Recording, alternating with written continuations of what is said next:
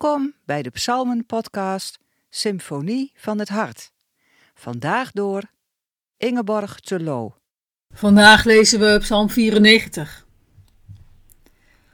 God van vergelding, Heer God van vergelding, verschijn in luister. Verhef u, rechter van de aarde, geef de hoogmoedigen hun loon. Hoe lang nog zullen de wettelozen, Heer, hoe lang nog zullen de wettelozen juichen? De onrechtvaardigen het hoogste woord voeren en trotse taal uitslaan. Zij vertrappen uw volk, Heer, onderdrukken uw liefste bezit. Ze doden weduwen en wezen, brengen vreemdelingen om. De Heer ziet het niet, zeggen ze. De God van Jacob merkt toch niets. Kom tot inzicht, onverstandigen. Dwazen, worden jullie ooit wijs? Hij heeft het oor geplant, zou hij niet horen? Het oog gevormd, zou hij niet zien? Hij die de volken onderricht geeft en de mensen kennis schenkt, zou hij niet straffen? De Heer kent de mensen, niet meer dan lucht zijn hun gedachten. Gelukkig de mens, Heer, die u onderricht, die u onderwijst in uw wetten hij zal rust vinden in kwade dagen, terwijl voor de wettelozen een kuil wordt gegraven. Nee, de Heer zal zijn volk niet verstoten, zijn liefste bezit niet verlaten. De rechtspraak voegt zich weer naar het recht, de oprechten van hart sluiten zich aan. Wie treedt voor mij op tegen die onrechtvaardigen? Wie beschermt mij tegen die schurken? Had de Heer mij niet geholpen, dan woonde ik al in de stilte van het graf.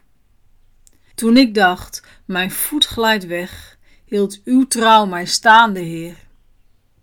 Toen ik door zorgen werd overstelpt, was uw troost de vreugde van mijn ziel. Kiest u de kant van verdorven rechters die onheil stichten in naam van de wet. Ze spannen samen tegen de rechtvaardigen en veroordelen onschuldigen ter dood. De Heer is mijn burcht geworden, mijn God, de rots waarbij ik schuil. Hij geeft de schuldigen het loon dat zij verdienen. Om hun onrecht brengt hij hen tot zwijgen. De Heer, onze God, brengt hen voor goed tot zwijgen.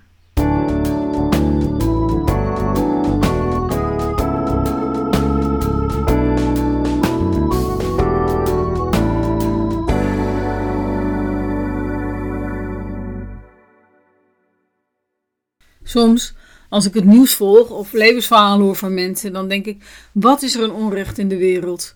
Komt er nooit een einde aan? Laatst sprak ik een collega uit Libanon, een man die er altijd de moed in houdt. En hij deelde over zijn ervaring met corruptie, machtsmisbruik en geblokkeerde bankrekening. Je kunt het niet geloven wat daar gebeurt. En hij vertelde: We zijn aan het einde van onze hoop. Onze hoop raakt op.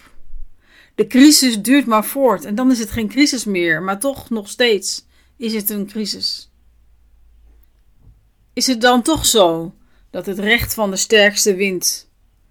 Dat een blaaskaak, een patser, een corrupt systeem alles kan doen wat hij of zij wil? God, sta op. Laat je zien. Vergeld het kwaad. Dat is de vraag die uit deze psalm spreekt. Het is geen nieuwe vraag. Want Gods volk, Gods mensen, Gods kwetsbare mensen worden verbrijzeld, verdrukt, vermoord. Je leest dit in deze psalm en je ziet het om je heen gebeuren als je de verhalen ziet en hoort uit Oekraïne. En misschien is het een vraag, een situatie die heel dichtbij kan komen als je zelf het onderspit delft, doordat jouw onrecht, wonden en pijn worden aangedaan. Ze gaan zomaar hun gang, alsof God er niet is, alsof God er niet toe doet en alsof God wegkijkt. En daarmee lijkt de psalm vooral een klaagpsalm. Maar de psalmist doet iets anders. Hij zegt iets anders. Hij keert het perspectief om. Nee, zegt hij, zo is God niet. Hij heeft ons oren en ogen gegeven. Dan zal Hij toch zeker ons horen, ons zien, ons van binnen en buiten kennen. Hou vol, want gezegend ben je als je leeft met God, als je naar Hem luistert en van Hem leert.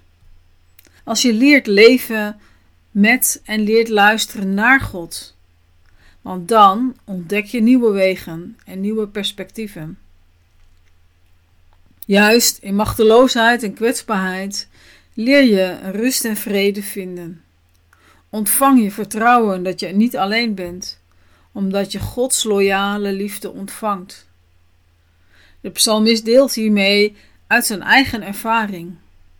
Hoe hij vertroost, gekoesterd en verfrist wordt in de nabijheid van God, waardoor nieuwe en diepe vreugde kan opborrelen uit zijn ziel, juist in alle moeilijkheden en machteloosheid.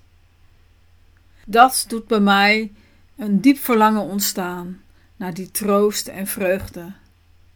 En hoe is dat bij jou? En dan is er nog meer.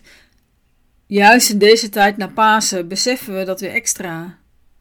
Het kwaad wordt overwonnen door het goede. Het leven zegeviert over de dood. Scheve verhoudingen worden rechtgezet in de komst van Christus op aarde. Door zijn leven, zijn lijden, zijn dood en zijn opstaan ontstaat er een nieuw, alles veranderend perspectief. En dat is een doorgaande en kronkelige beweging van recht en leven, die niet meer, die nooit meer te stoppen is. Ook al zien we nog zoveel onrecht en ongelijkheid om ons heen. God brengt onrecht voor goed tot zwijgen en uit dat vertrouwen mogen wij leven, ook vandaag.